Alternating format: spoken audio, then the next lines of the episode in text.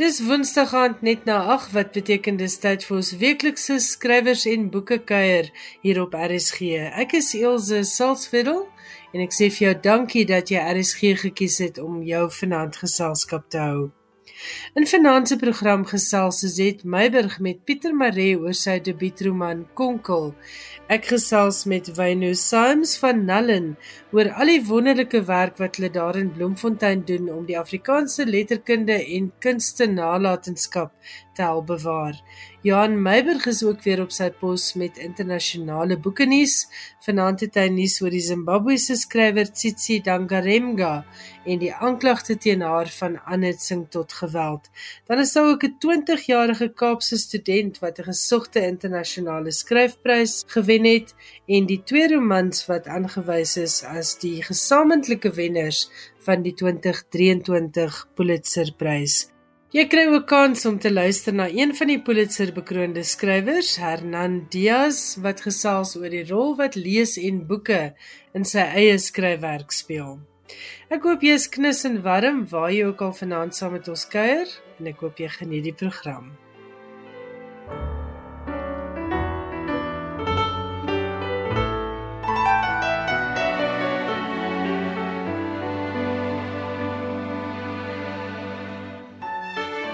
Luisteraars sal onthou dat die Zimbabwese skrywer Tsitsi Dangaremga verlede jaar skuldig bevind is aan aanhitsing van geweld nadat sy bloot aan 'n stille protesoptrede deelgeneem het.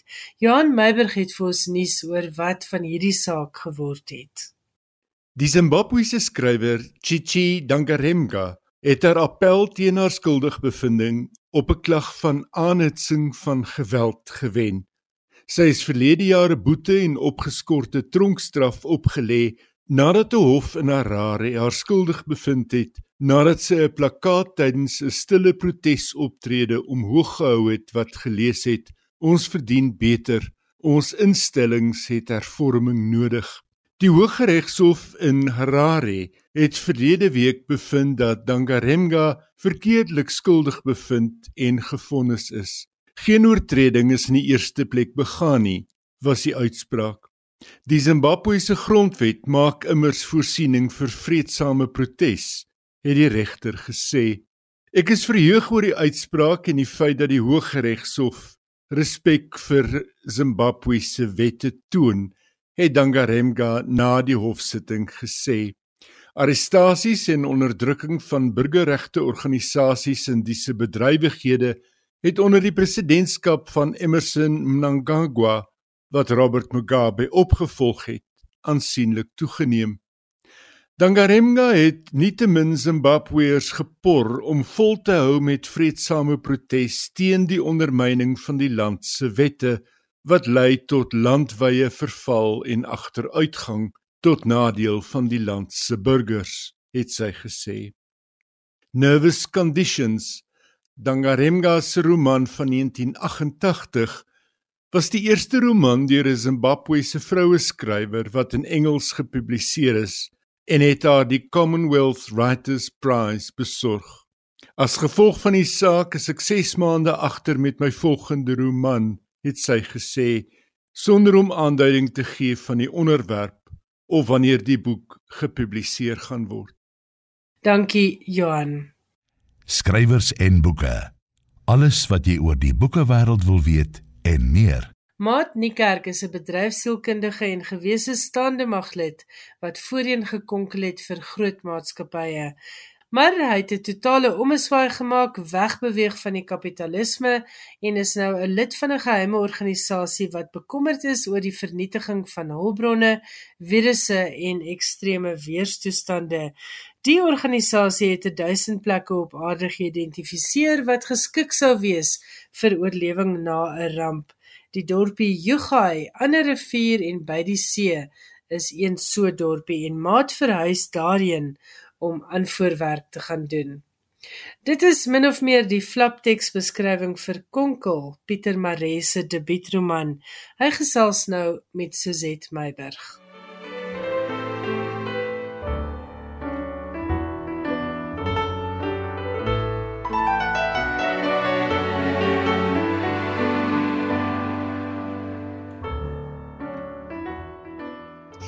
Pieter, baie welkom by Skrywers en Boeke. Goeienaand en uh, Suzette, en baie dankie dat julle my op die program het. Jy het 'n lang loopbaan in die korporatiewe wêreld agter die rug en nou het jou debuutroman verskyn. Was boekskryf iets wat altyd in die agtergrond gewag het? Man, ek dink so. Ja, ek was in die bevoorregte situasie dat ek op hoërskool staan op 7, 8 en 9 as George Weideman ons Afrikaans onderwyser by Nassau in Mowbray. En hy het altyd baie goeie kommentaar onderaan die opstelle geskryf. So ek dink uh in 'n vroeë stadium, ek dink aan ander mense tienerjare as jy nou begin emosioneel ontwikkel en jy weet nie presies herwaarts of herwaarts nie, dan skryf miskien een van die uitlaatkleppe. Ja, so ek dink beslis het hy my op 'n manier beïnvloed en dan natuurlik ook boeke wat mense lees. Ek onthou dat iets soos Mahala van Chris Barnard te gelees het staan dit in 2008 ek dink in 71 het dit uitgekom. En daai openingssin byvoorbeeld van weet vrees was al so deel van hom dat hy dit nie meer as vrees erken het nie. En dan gaan iemand voort en hy skryf 200 bladsye gebaseer op daai opsommende sinnetjie. Ek meen dit is net verstommend. Ek dink dit het my op 'n manier gemotiveer om te sê dat ek wil graag ook so iets doen. Daar is 'n pragtige verhaal van jou in die 2017 Woordfeesbundel wat oor twee vriende in die weermag handel. In Konkel speel twee oud soldate ook 'n belangrike rol. Het jy 'n spesifieke belangstelling in die militêre lewe? Man, ek was maar net 'n diensplugjaar gedoen na matriek, maar weet jy, ek dink die era waarna mens groot word, daar veral tussen die mense 18de en 25ste jaar het nog al 'n bepalende invloed op 'n mens se lewe. Dink ek, die mense wat jy leer ken, vriende wat jy maak, maar ook natuurlik die hele politieke milieu en in daai stadium was daar die grens. Ek was gelukkig genoeg om nie hoef te gegaan het nie. Ek was uh, in 74 in die army en direk na matriek en kort daarna het die oorlog baie meer intensiteit toegeneem. Ek het byvoorbeeld ook op universiteit het ek 'n toneelstuk geskryf, die Isat Dramafees. Ek was in Eendrag daar um, met die naam Op 'n Grens. En dit het weliswaar in 'n hospitaalsaal afgespeel in die middel van Suid-Afrika in Bloemfontein en dan eintlik die lot van die soldate in die hospitaal eh, is ek amper gelykgestel aan die lot van Suid-Afrika. En toe ek dit nou verwerk kort daarna in 'n draaiboek en Leon van Nierop het in daai stadium ek dink hy was seker nog maar 'n vriendjie by die SAIK, sy die commissioning editor, ek weet nie wat dit in Afrikaans is nie. En hy het toe die storie aanvaar en dit is toe uiteindelik as 'n TV drama uitgesaai in 1985. 'n 90 minute lange fliek, fenomenaal Gys de Villiers wat sy eerste rol, 'n hoofrol gewees in 'n 'n drama. In 'n geval terug by jou vraag. Ja, ek dink weet in daai stadium van my lewe was ek ook polities baie bewus. Weet in die mense wil ek amper sê sosiaal baie meer betrokke by goed in jou kop as dit dan nie in aksie is nie. En ehm um, ja, uh, ek hou van boeke waar ek dink die manlike siege ontrafel word. Soos in Mahala byvoorbeeld, daai Delport karakter. So um, en ek weet dit is miskien nie baie hoop ding om in die dae te sê nie, Maar ja, so ek hou van byvoorbeeld van stories waar uit die manlike perspektief. En dit is natuurlik maar te doen dat mense jouself op 'n manier aan jouself verduidelik. Dus hierdie boek Konkel byvoorbeeld het ek eintlik eerstens vir myself geskryf sou ek raai. Weet maar dan moet mense natuurlik op 'n manier verteerbaar maak en prettig vir die leser. Die intrige in jou boek gaan oor dinge soos die nuwe wêreldorde en die gekonkel van groot korporasies en geldmagte. Vertel 'n bietjie meer daarvan. Die storie het ek ek het nou nog op my telefoon gekyk toe sien ek ek het die notas al begin maak so in 2019. Ek is 'n groot aanhanger van Yuval Harari. Hy is 'n Israeliese omskrywer as ek dit nou so kan stel. Hy gee nie oplossings nie, hy byne tendense aan. Daar is 'n hele klompie boeke, maar die jongste is 21 Lessons for the 21st Century en ek hou ek hou van sulke wil ek amper sê sosiaal sosiologiese opsommende geskrifte en dan natuurlik ons wonderlike Elon Musk ek is 'n groot aanhanger van hom ook alles wat hy sê en groot steun in dit wanneer alles nie maar ek neem kennis van wat hy sê. So ek dink daai goed het in my agterkop 'n rol gespeel en dan natuurlik tydens COVID self het ons mos die vreemde situasie gehad dat my buurvrou het oornag 'n kenner geword van virusse. En dan haar eie bloedniggie se dogter het gewerk in 'n hospitaal in Italië en sy stuur toe hierdie video materiaal en kyk net al hierdie dooie mense in hierdie swart sakke wat opgestapel is op die sypaadjie. Nee alwêreld. Ek ek dink daai goed het 'n bietjie van 'n rol gespeel en natuurlik ook stil by self skynbaar vir die hele Suid-Kaap streek kort na die ystyd 8000 jaar gelede was dit een van die plekke waar die menslike ras dan nou oënskynlik homself hervestig het, vis geëet het en slim geword het en toe weer die, die aarde ten amper besoedel maar beset het. Ek dink 'n klomp van daai goed het op 'n manier saamgekom dat ek nou die klein wonder of die hierdie klein dorpie Yuga in my kop geskep het wat eintlik maar 'n fiktiewe dorp is en dan die tyd waarin ons lewe met soos ek sê al hierdie sosiale geskinder wil mense dit amper sê.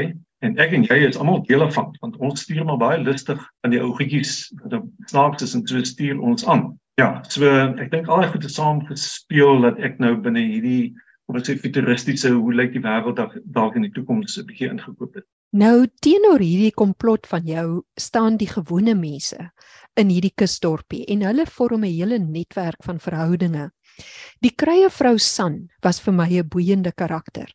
Waar het jy die inspirasie vir haar gekry? Man weer eens geografies, dink ek moet 'n mens jouself in 'n plek kan plaas. Jy as skrywer, jy kan nie skryf oor die Rooi Kalahari duine as jy nog nooit daar was nie.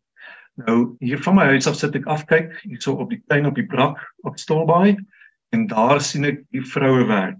En ek praat toe nou en dan 'n bietjie met hulle want dit is eintlik 'n wonderlike goed ingerigte tuin waar jy kan lees oor die medisinale waardes van die plante en selfs die grondtipes.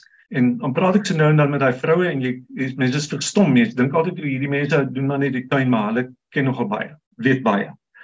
Ek het een van die vroue daar in my kop seker gehad en ek het gelees wat al daai goed wat geskryf is oor die plante en so het ek gedog maar hier is sy 'n bemiddelaar tussen die antagonis en die protagonis. Kan sy nou mooi in die middel van die twee broodjie pas en sy is net sommer hier jy vrou nie. Sy het san mense na haar verlede bietjie portugese bloed soos haar ouma gesê het dit is die vrou se verantwoordelikheid om die gene in die in die breë familie bietjie te versprei want anders sit jy met 'n klomp simpletons aan die einde van die dag En wat die son karakter ook lekker gemaak het is ek kon o Afrikaans wat ek net sommer by my ma gehoor het en ook veral wat wat mense hier praat in die Suid-Kaap kon ek in haar mond lê. Nou ook mense sal natuurlik dadelik sê maar hoe kan 'n ou wit man nou 'n vroue stem en veral nou dalk 'n bruin vrou se stem nog om self aanmatig dat hy dit nou kan weergee?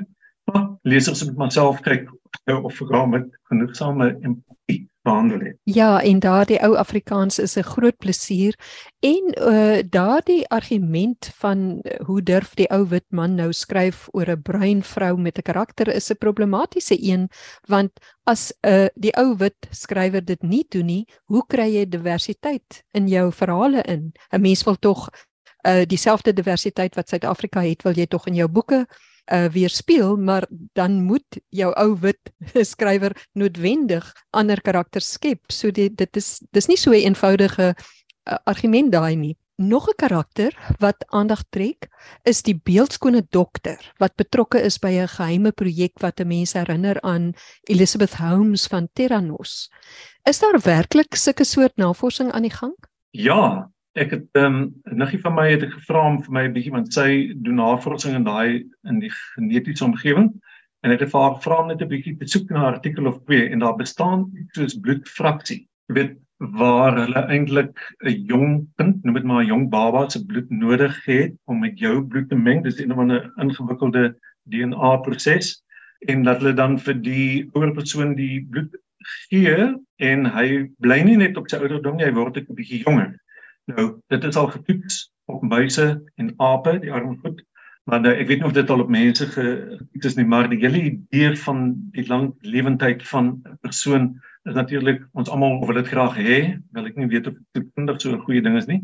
Maar ja, so sy is gebaseer op daai hele konsep en sy is natuurlik ook dan die ek amper sê die vroue simbool, die Venus van hierdie hele samelewing.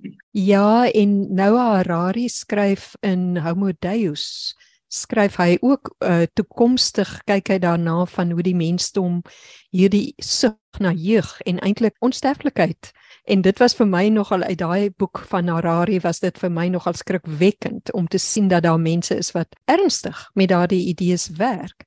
Ek moes nogal grinnik oor die manier waarop jy Dion Meyer se speurder Benny Griesel by die storie betrek het. Waar het die idee vandaan gekom? Jy weet, my hele aanslag in hierdie boek wil ek amper sê is die onverwagse en soms ook al die onordentlike. Weet ek het Jon Meyer al een of twee keer ontmoet en ek het 'n uh, lesing van hom bygewoon of 'n praatjie van hom eendag oor sy skryfproses en ek het hom deur Protea die uitgewery gevra is dit moontlik dat 'n mens so iets kan doen is dit nie 'n uh, regsprobleem nie.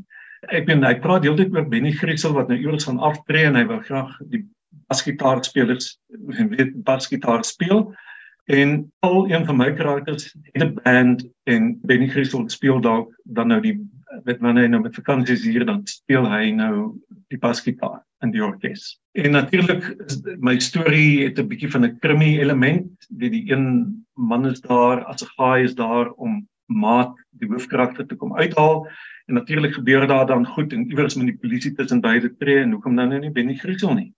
En ek dink ook die manier wat ek dit gedoen het hopelik is om eintlik vir Benny Griesel te komplementeer en amper in die proses dan vir Dion Meyer en sy skryfwerk uitlig en eintlik op 'n bietjie van 'n pedestal te plaas.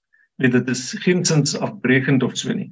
Daar's die die die die vrou wat Griekse gebak het in die dorp. Ek het dit nou nie so ver gedruk nie, maar jy sal miskien weet dat die laaste toneel daar Grieks skryf 'n sprokie is dit bak sy appel dit 'n appeltaart en toe tog nog 'n goed met bring nou vir Griek op in. Maar ek het dit nie so pertinent gestel nie. Jy weet die skrywer self moet ook daar 'n bietjie binne trek kan hê van tyd tot tyd. Ja, en met jou lesers hang dit af of uh, wie se uh, of iemand se verwysingsraamwerk daardie ding insluit of nie. En gepraat van al die interessante verwysings in jou roman, wat nou strek van soos ons gesê het Harari tot Hitchhiker's Guide to the Galaxy. Iets wat sentraal staan is die sewe beginsels van die antieke Egiptiese geloofstelsel. Brei 'n bietjie uit daaroor. Want dit was absoluut toevallig. Toe ek nou 'n karakter moet soek vir 'n naam moet soek vir my hoofkarakter, nou dink ek is nou Piet Gert of Jan. Toe dink ek Jan Rapp en sy maat, maat klink lekker, almal se maat. Toe vat ek vir maat. Toe begin ek nou skryf en nou weet ek nie of die rekenaar vir my ingeluister het of kyk het wat ek skryf nie. Maar in 'n stadium strompel ek op Google rond en hier kry ek vragtig maat M A afkapping A T. En dit is 'n ou Egiptiese geloof soos jy nou sê. En kan jy glo hulle het 42 beginsels gehad waar volgens 'n mens moet lewe. En die 42 beginsels kan jy breedweg in sewe kategorieë opdeel. Ag, dit is maar goed soos medemenslikheid, weet, eerlikheid en en dood, baie goeie beginsels. En die 42 slaan ek toe natuurlik nou terug op Hitchhiker's Guide to the Galaxy. En hoe ek daarop gekom het is eendag ry 'n vriend saam met my in my kar en ek hou stil voor my huis hier op Stilbaai. En hy kyk so en hy sê, "Ah, oh, die antwoord." met verwysing nou na Hitchhiker's Guide en daar begin daai hele ding nou weet net na vore kom. En in Hitchhiker's Guide, uh, hulle vra vir die rekenaar, wat is die sin van die lewe, die doel van die lewe? En dan na baie lank tyd kom hy met die antwoord voor 'n dag en dit is 42. Dit het so lank gevat en almal het vergeet wat was die oorspronklike vraag en dan kry hulle nog groter rekenaar en hy spandeer dan nog langer om nou bepaal wat was die eintlike vraag reg van die begin. Die moral van die storie is dat 'n mens moet baie meer tyd spandeer elkeen van ons om die vrae wat ons aan ander mense en aan onsself stel om die vraag te formuleer. Jy weet, want die vraag wat jy vra bepaal tog mos nou die antwoord wat jy uiteindelik kry. En kan jy nou glo dat al hierdie goed nou mooi in in mekaar pas? Die 42 van die huis, die antwoord van Hitchhiker's Guide en maat se naam is toe nou maat. En die en die nie kerk het ek sommer by Chris Barnard gesteel een van sy karakters in een van sy boeke was die man se van was nie kerk en nie van die kerk nie wat ook iets sê met ander is nie van die kerk nie. Uh ja, en daar is maat die kerk. Hy 42 beginsels. Ek bly in 'n huis met 42. Ek meen, kan jy nou glo? jy het 'n besonder goeie skryfstyl. Ek het lanklaas 'n boek gelees waar die taalgebruik so fyn afgerond is. Kom hierdie styl vir jou natuurlik of moes jy hard daaraan werk? Ja, dankie, dit is 'n kompliment en ek van my vriende weet hulle my vriende mense vriende komplimenteer iemand maar net hulle gaan my nie nou in die stadium kritiseer nie want ek voel nog baie broos en blootgestel nadat die boek nou verskyn het ehm uh, my ma was 42 toe ek gebore is, my pa ook. Ek kom eintlik, ek wil amper sê ek het by my ouma en oupa groot geword in 'n sekere sin. En hulle kom almal hierso so uit die Suid-Kaap, Robertson, Albertina, Caledon omgewing. En ek dink die mense hier het nog 'n kleurryke taal gebruik. Uh, elke streek as jy kyk weer die Weskus, hulle taal is baie grower want die omgewing is grower. Hier is dit sag, die taal is sag en die mense praat amper in beeldspraak. As ek byvoorbeeld hier na die plaaslike winkels toe gaan dan luister ek my aan die manier wat die mense met mekaar praat. So ek dink ek het 'n aanvoeling vir taal beslis en ook ek dink meestal visueel. Ja, so ek dink dit het iets daarmee te doen. Ek as ek byvoorbeeld 'n fliek kyk, dan kan ek nie eintlik onthou wat die storielyn was van die fliek nie, maar ek kan die individuele tonele en die atmosfeer kan ek onthou. En ek dink as mens emosioneel dink, dan kom die woorde outomaties na vore. En natuurlik het elke karakter sy eie woordeskat. So as mens 'n klein bietjie nou in daai man gaan, ek meen nou, as 'n gaai byvoorbeeld, hy is nou die militêre ou, hy praat baie staccato en gebruik aggressiewe woorde om die waarheid te sê in 'n stadium, want hy het natuurlik nou ook 'n oog op die baie mooi Lena.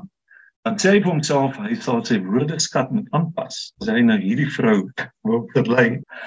Maar dankie ja, ek is ek ek self lees nou weer die boek, weet stukkies daar uit en ek moet sê dit is nogal uh vloeiend as ek dit so kan stel. Nou daar is 'n doelbewuste spel met name in Konkel. Die dorpsname is nou soos ons klaar gehoor het Jugai, Buurdorp en Grootdorp.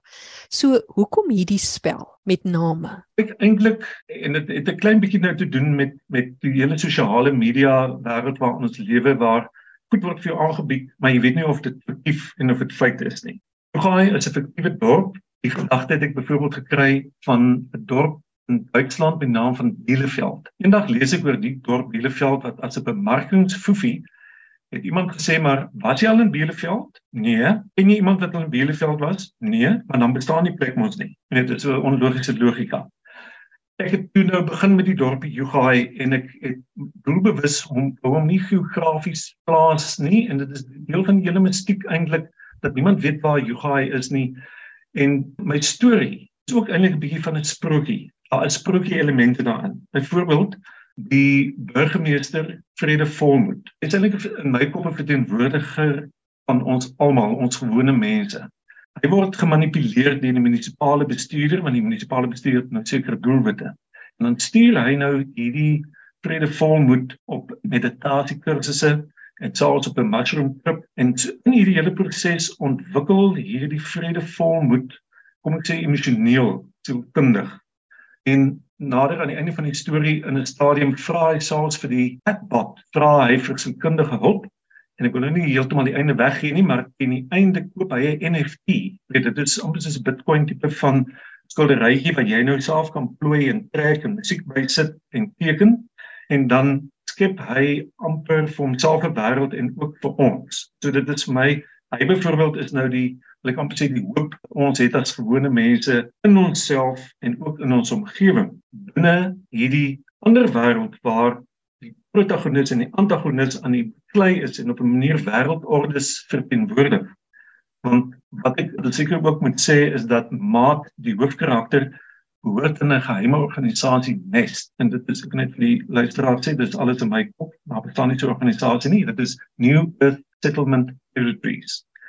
En hulle doel is om duisend plekke op die aarde te vestig waar die menslike ras na pandemie weer kan hervestig. Die gedagte het ek het ek nou gesteel van Tolbaai 8000 jaar gelede.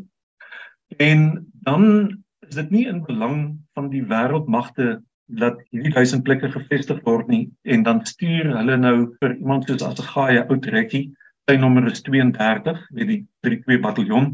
Dit is ook sekere waardes as mens nou wil gaan lees uh en dan stuur hulle hom nou om vir maat net te kom uithaal so jy het eintlik die wêreldkonflikte en dan hierdie ons eie mense dan hier in die middel en die ons mense hier in die middel byvoorbeeld Adam en Eva En hulle is ook nie effektief nie. Hulle is in die storie maar hulle bou nie noodwendig op die hoofstorie lyn nie. Hulle is hier so so aan die buitekant. Hulle laat ons goed voel. Hulle herinner ons aan die paradys. En daar's drie vurige, nie vurige nie, maar baie lekker sekstonele tussen die twee. Ons wil net ons lesers en die en die luisteraars inderdaad bestaan vir iets. Aan die onderend van Maslow se driehoek. Maar ja, so die die karakters met daai fiktiewe name bou nie eintlik aan die hoofstorie nie, maar hulle is daar om ons almal op 'n manier te verteenwoordig. Ek klink nou ongelooflik diepsinnig en ek is eintlik bang ek skryf mense af om die boek te lees.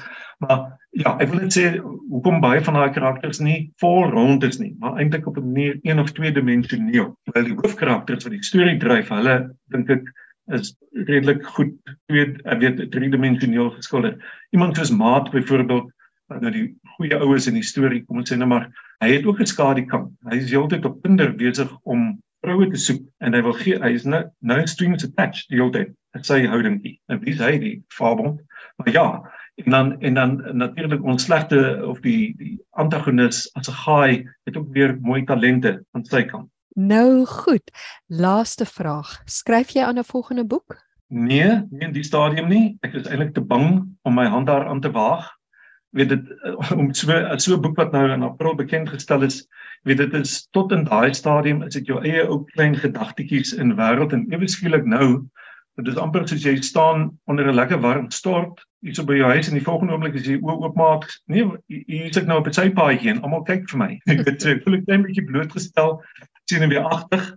Uh so niks in die stadium nie. Ek bly op Stilbaai. Ek het ek het verlede jaar het ek en 'n paar mense 'n teatergroep begin en ons het toe kabaret aangebied in November en ons gaan hierdie jaar weer dieselfde doen en ek moet die ding nou nog skryf. So dit is my volgende taak is om 'n bietjie van die musiek teater beding te skryf dat ons later vir jare kan opvoer. So niks in hierdie stadium nie. Maar sterkte dan ook met daardie skryfplanne en baie dankie vir 'n baie interessante gesprek. Suzette Meiberg het met Pieter Maree gesels oor sy debuutroman Konkel. Dit word uitgegee deur Protea Boeke. Wenners van die Commonwealth Stichting se kortverhaalprys is onlangs aangekondig en onder die wenners is 'n 20-jarige student van Kaapstad. Johan Meiberg het vir ons meer hieroor. Die Commonwealth Stichting het onlangs die wenners van sy kortverhaalprys in verskillende streke aangekondig en 'n jong skrywer van Kaapstad as wenner van die prys vir die Afrika streek aangewys. Die 20-jarige Hannah Gammon, 'n student aan die Universiteit Stellenbosch, het met haar kortverhaal The Undertaker's Apprentice die beoordelaars se aandag getrek. Dis die verhaal van 'n groep kinders en hulle verhouding met die dorp se somber, dog gawe lijkbesorger. Die Commonwealth Kortverhaalprys word jaarliks toegekend aan 'n verhaal van tussen 2000 en 5000 woorde wat nog nie voorheen gepubliseer is nie. Deelnemers moet ouer as 18 wees en burgers van Statebondlande. Die oogmerk met die prys is om skrywers en storievertellers in die lande te inspireer, te ontwikkel en om 'n verbintenis tussen skrywers tot stand te bring. Uit die wenners van die 5 Statebondstreke Afrika, Asië, Kanada en Europa, die Karibiese eilande en die Stille Oseaan streek word 'n algehele wenner aangewys. Die aankondiging kom op 17 Junie. Jy luister na skrywers en boeke op RSG. Ons het die afgelope paar weke gereeld gepraat oor die bewaring van die Afrikaanse letterkunde, die verskillende maniere waarop ouerskrywers se werk bewaar kan word. Maar vanaand gaan ek gesels oor die bewaring van Afrikaanse letterkunde uh, in die algemeen en ook dinge soos koerant en tydskrifartikels. En my gas vanaand is Wyno Symes en hy is die kurator van Nallen in Bloemfontein. Goeienaand Wyno, baie welkom by Skrywers en Boeke. Goeienaand Ilse, baie dankie vir die geleentheid. Vertel ons nou net eers gou-gou waarvoor staan die afkorting Nallen? Nallen staan vir die Nasionale Afrikaanse Letterkundige Museum en Navorsingsentrum waarby dan ook musiek en toneel ingesluit word. Goed, en presies wat doen julle alles daar? Ek was nou al daar binne en dit is verstommend om te sien die uitstalkaste waarin allerlei goeders is van 'n skrywer se bril tot artikels oor sy lewe. Maar presies hoe werk Nallen? Ons versameling is baie uitgebrei. Ons het 'n baie groot boekversameling omtrent uh, so 200 000 boeke. Ons het 'n reuse manuskripversameling ook omtrent 200 000. Daar is 'n koerant en tydskrif knipselversameling, uh amper 'n half miljoen en dan ook die tydskrifte self is daar 'n hele omtrent 1000 titels. Ons het 'n bladmusiekversameling. Daar is 'n uh, versameling plakkate en programme, 'n uh, toneel en musiekprogramme. Ons het 'n kunsversameling van omtrent 800 items. Daar is omtrent uh, 50000 fotos. Dit sluit die glasnegatiewe in. Ons het 'n redelike versameling tekstiele, klere, rokke, uh spesifiek aandrokke byvoorbeeld uh wat aan kunstenaars en akteurs behoort het. Dan is daar ook die meubelversameling waar ons voorwerpe wat aan skrywers behoort het bewaar soos jy nou gesê het jy kan uh NP van Wyklou se bril sien. Jy kan die stoel sien waarin hy gesit en skryf het met die plank oor die armleunings uh jy kan uh, Elizabeth Eiber se kapstok sien wat al die pad uit Amsterdam sy draai hier in Bloemfontein gemaak het So dit is 'n baie omvattende versameling. Die raming is omtrent 'n 3 kwart miljoen items. So dis baie indrukwekkend. Kan jy vir ons sê oor hoe lank tydperk is hierdie goed versamel en hoe beland dit by julle? Die museum is in 1973 gestig deur professor P.J. Ninaber en hy was destyds betrokke by die RGN se dokumentasiesentrum waar hy saam met uh, Dr. P.G. Du Plessis gewerk het en daar het 'n behoefte ontstaan in die in die Vrystaat het daar 'n behoefte ontstaan om 'n skrywersmuseum vir Vrystaatse skrywers te begin. En dit het toe saamgeval met Prof Ninaber se behoefte om uh nie net manuskripte nie, maar ook personalia en meubels van skrywers te versamel en dis het dit gelei tot die stigting van Nallen. En skenk skrywers se uh, families of skrywers self hierdie goed vir julle of hoe kom dit by julle uit? Ja, ons word genader deur die familie uh of deur die skrywer self wat dan vir ons die voorwerp bestuur, vra wat ons wil hê, waarin ons belangstel en ja, so dis basies gebaseer op skenkings. Wyne, hoe lank is jy by Nallen betrokke en waar was jy voor dit? Dit is nou byna ek is byna 5 jaar hier betrokke. Uh voor dit het ek lank vir Media 24 gewerk. Wat het jou na Nallen gebring? My heel eerste werk in die vroeë 90's was hier by Nallen. So dit is 'n 'n sirkel wat ek nou voltooi deur weer terug te kom. Uh ek dink die waarde van die versameling, die instansie self is die moeite werd. Uh ek dink die president het in 'n stadium gesê iets met die strekking van hier is ek stuur my en uh dit was my benadering om na Nallen toe te kom en te help waar ek kan om die instansie uh staande te hou om reg te maak waar 'n mens kan uh veral nou ten opsigte van instandhouding. Het jy 'n agtergrond in museumkunde of hoe dit gebeur dat jy in bewaring beland het. Toe die pos geadverteer is, het hulle gesê hulle soek iemand met 'n agtergrond in letterkunde. Nou dit was my nagraadse studie was in letterkunde. En soos ek sê, omdat Nallen destyds die eerste plek is waar ek gewerk het, het ek altyd dit met my saamgedra dat die belang van dit wat hier by Nallen gebeur en dat dit tot elke prys bewaar moet word. Wat is vir jou die interessantste tussen daai vier mure? Uh is daar 'n spesifieke uitstalling wat jou baie na in die hart lê of 'n uh, versameling werk? Dit is baie moeilik om dis een uitstalling uh uit te sonder omdat dit juis so omvattend is. Elke versameling het iets wat jou raak. Ons het van Laipold het ons byvoorbeeld stoele wat gemaak is vir die huis waarin hy gebly is van en dis gemaak van tambotihout, 'n besondere swaar hout met uh, leerbeslag met diere motiewe daarop. Jan F. Eselje was hardhorend. Ons het sy gehoor toerusting met die battery daarvan. Die luik van die kelder waar hy weggekruip het in die Anglo-Boereoorlog. Ons het 'n uh, kas wat 'n uh, Langehoven vir sy dogter gemaak het. Ons het Esle Romare se hele sitkamer stel met 'n klomp skilderye. Ek dink baie mense weet nie dat hy geskilder het nie. meubels van ID Du Plessis, die stoel van NP van Wyk Lou waaroor ek vroeër gepraat het waarin hy gesit en skryf het met die plank op die armleunings van die stoel. As as 'n mens moet begin kies dan raak dit regtig moeilik. Kan mense die museum kom besoek? Laat julle besoekers in al hierdie pragtige ruimtes toe. Ja, die publiek is baie baie welkom om ons te kom besoek. Uh ons is oop van 8 tot 4 elke weekdag. Daar is ook 'n boekkelder wat bedryf word deur vriende van Nallen vir uh mense wat op soek is na daardie ontwykende boek wat hulle as kind gelees het. Uh hulle kan dit dalk daar kry. Is dit dan te koop? Dit is te koop, ja. Wat is vir jou as kurator die belang van 'n plek soos Nallen?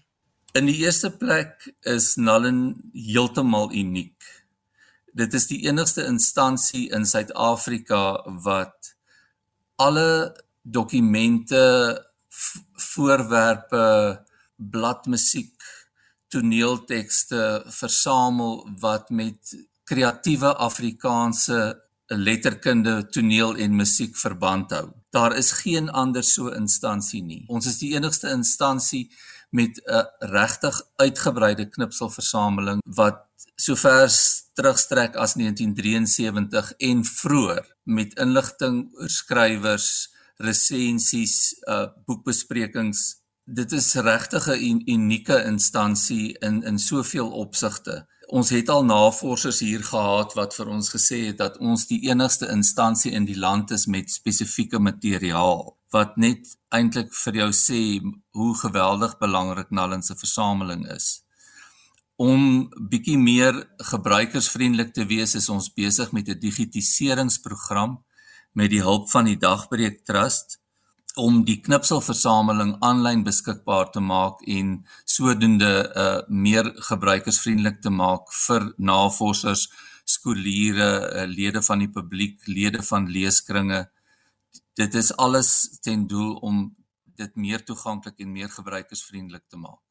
En natuurlik ook om dit verder te bewaar, want ek neem aan die koerante en dinge raak maar ook broos met ter tyd. Ja, ja, uh mot en roes is maar 'n probleem en die ideaal is dat navorsers nie die oorspronklike knipsels wil hulle gebruik in elk geval nie die oorspronklike knipsels nie, hulle gebruik fotostate daarvan. Maar dat as jy 'n digitale weergawe het, is dit net soveel beter en veiliger. Hoe ver is julle um, met daardie werk? Dit is eintlik 'n deurlopende proses want ons werk terugwerkend met die ouer knipsels en ons werk vooruit uh met nuwe materiaal wat verskyn. Daar is ook 'n digitale argief wat deur Dr Burgert Senekal uh, versamel word en uh dit sluit alles aanlyn in wat verskyn ons datalyne hier by die museum is te stadig om byvoorbeeld materiaal op internet te versamel. So hy doen dit namens Nallen. Hoe groot is jou span? Ilse, ons is 'n klein span. Ons is letterlik 'n Gideons bende. Ons is 3 uh vakkundiges en 3 klerke.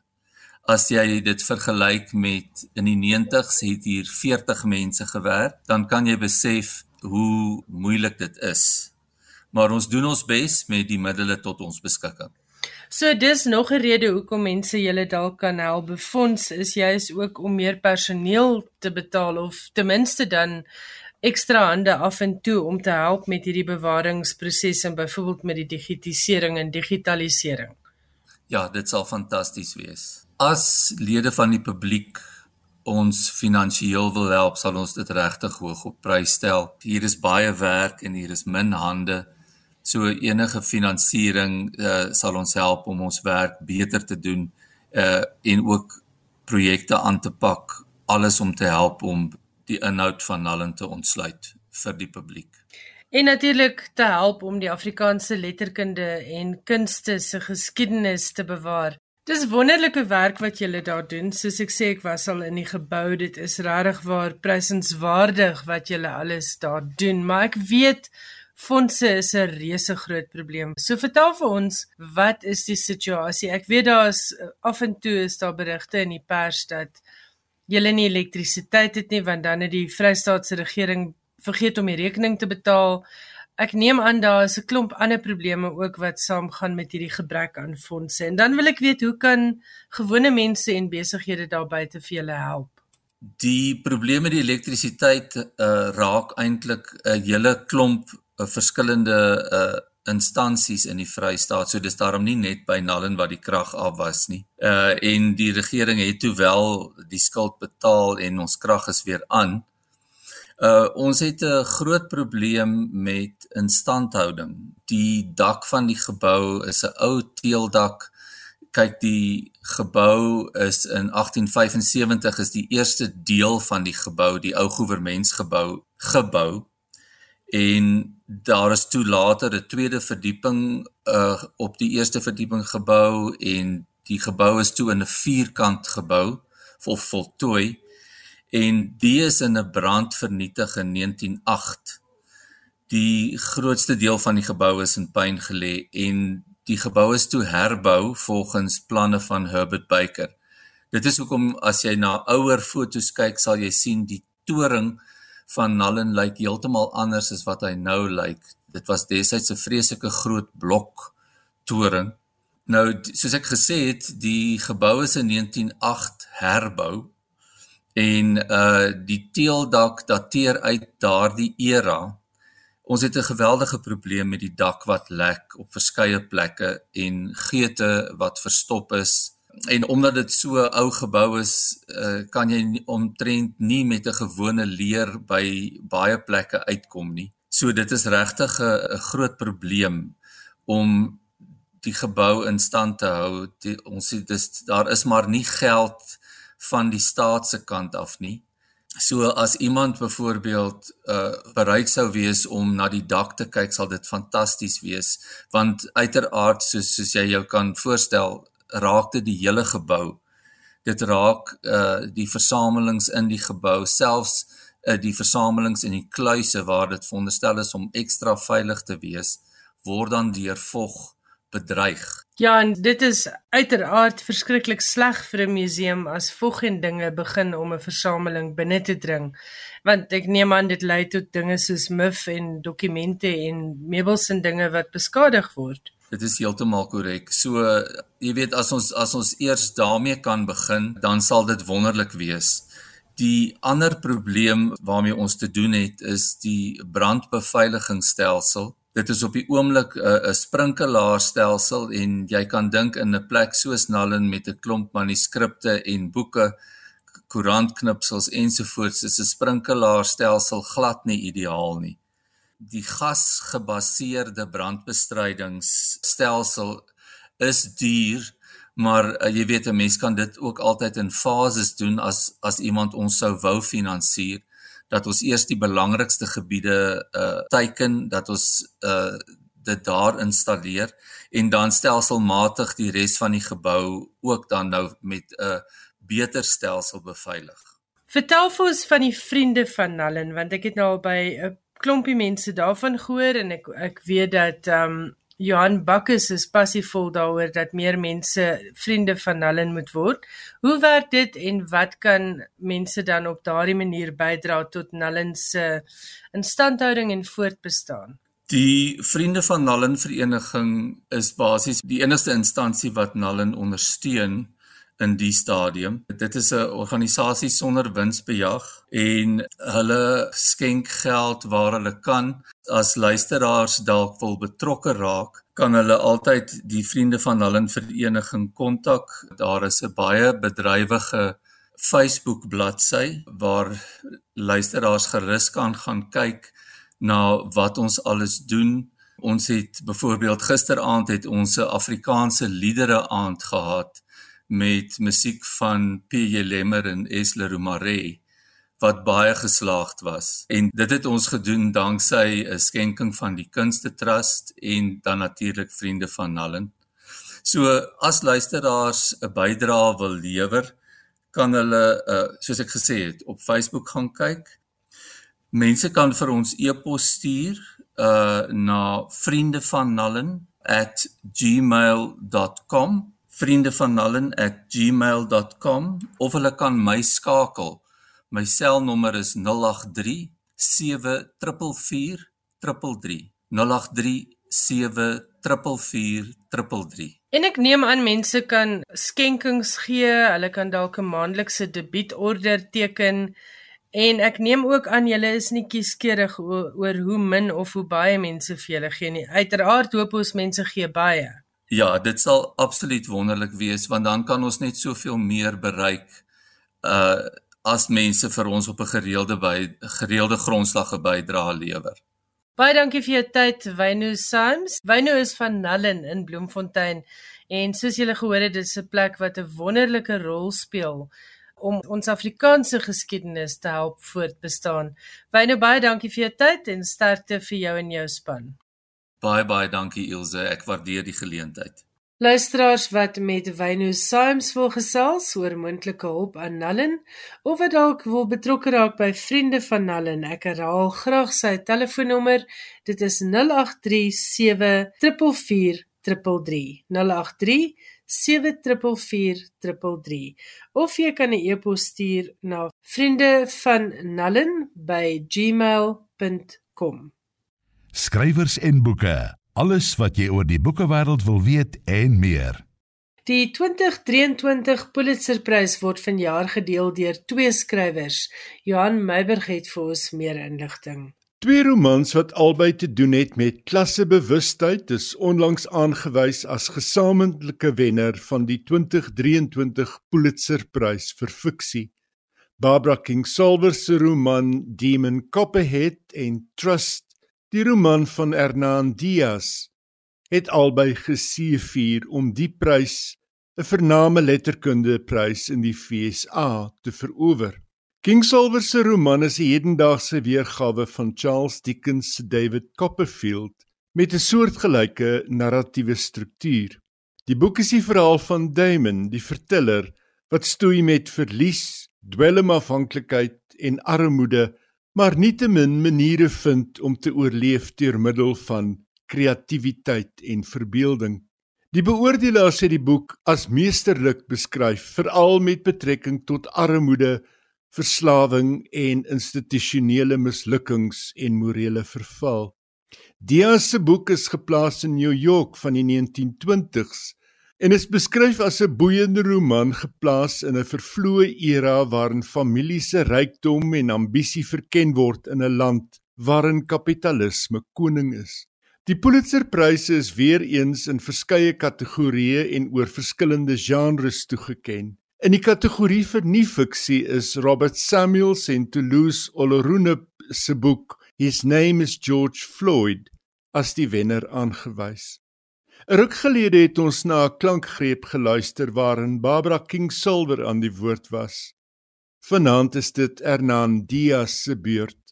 Hy praat onder meer oor die rol wat boeke en lees in sy eie skryfwerk speel.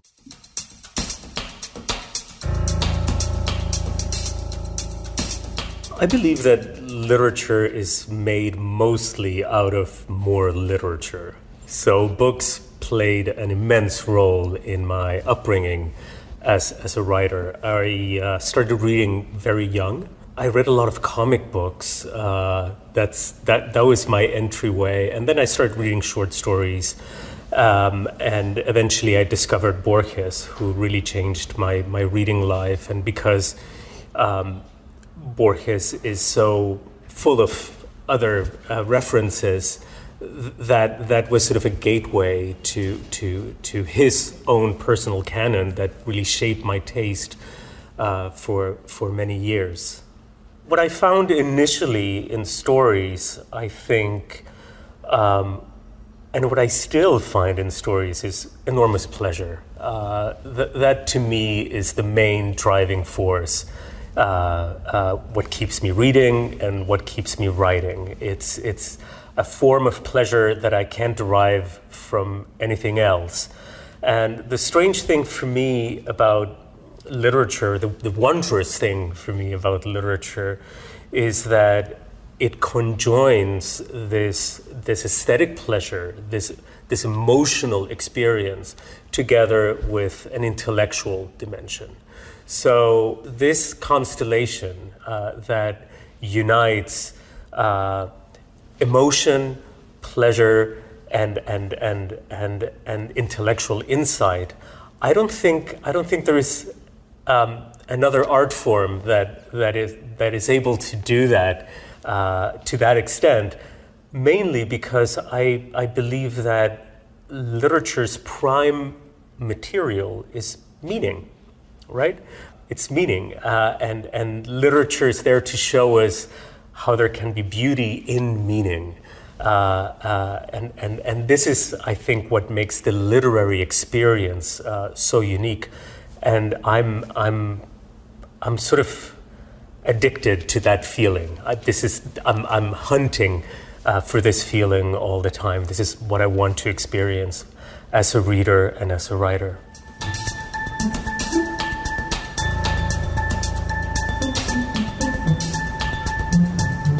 My first recollections as a, as a child are in Sweden. I, I, I have, those are my first memories. Uh, they're, they take place in Stockholm and they're in Swedish uh, and in Spanish. We spoke Spanish at home, and, uh, but my first social tongue out in the world was, was uh, Swedish. So my friendships were Swedish friendships, and of course, school and and and all of that. But there, there was this duality, you know, uh, as with so many immigrant families who uh, have um, this kind of bilingual experience, and I and I think that that shaped my relationship with language in a very profound way, uh, in terms of uh, always being very aware. I think of what is going on, even as I speak, even now that I'm that I'm that I'm uttering these very words. Um, the, there is there is sort of a syntactic kind of um, uh, analysis, a lexical kind of analysis going on at, at, at every time. There's a hyper awareness uh, that is a little bit exhausting, but um, but very helpful when you're a writer. Um, so, so, so, and then of course, I ended up migrating um, voluntarily to the English language, which is the lang- my language of, of choice. Um, you know, as I said, I grew up bilingually in, in, in Sweden, and then the whole family moved back to Argentina. I went to, to college in Argentina, did my undergraduate graduate, I, took, I got my undergraduate degree in, in sort of the equivalent of comparative literature in, in, in at the University of Buenos Aires. Uh, um, but I, during those years, I also fell in love, during my teens, actually, I fell in love with the English language. You know, I was, I was born into uh, Spanish. I sort of was forced to acquire Swedish because of the circumstances. I was very young, so it wasn't really that, that traumatic or anything. But then I chose uh, uh, English, and I've only ever written fiction in, in English, and I've effectively now spent most of my life in English speaking countries. Dit was die stem van Hernan Diaz, skrywer van Trust en dit is 'n medewenner van vanjaar se Pulitzerprys. Die ander boek natuurlik Barbara Kingsolver se Demon Copperhead waaroor ons al taamlik baie gesels het hier op skrywers en boeke.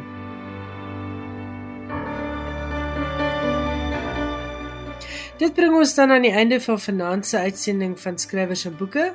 Baie dankie dat jy saam met ons voor die radio gekuier het en onthou volgende Woensdag aand maak ons weer so.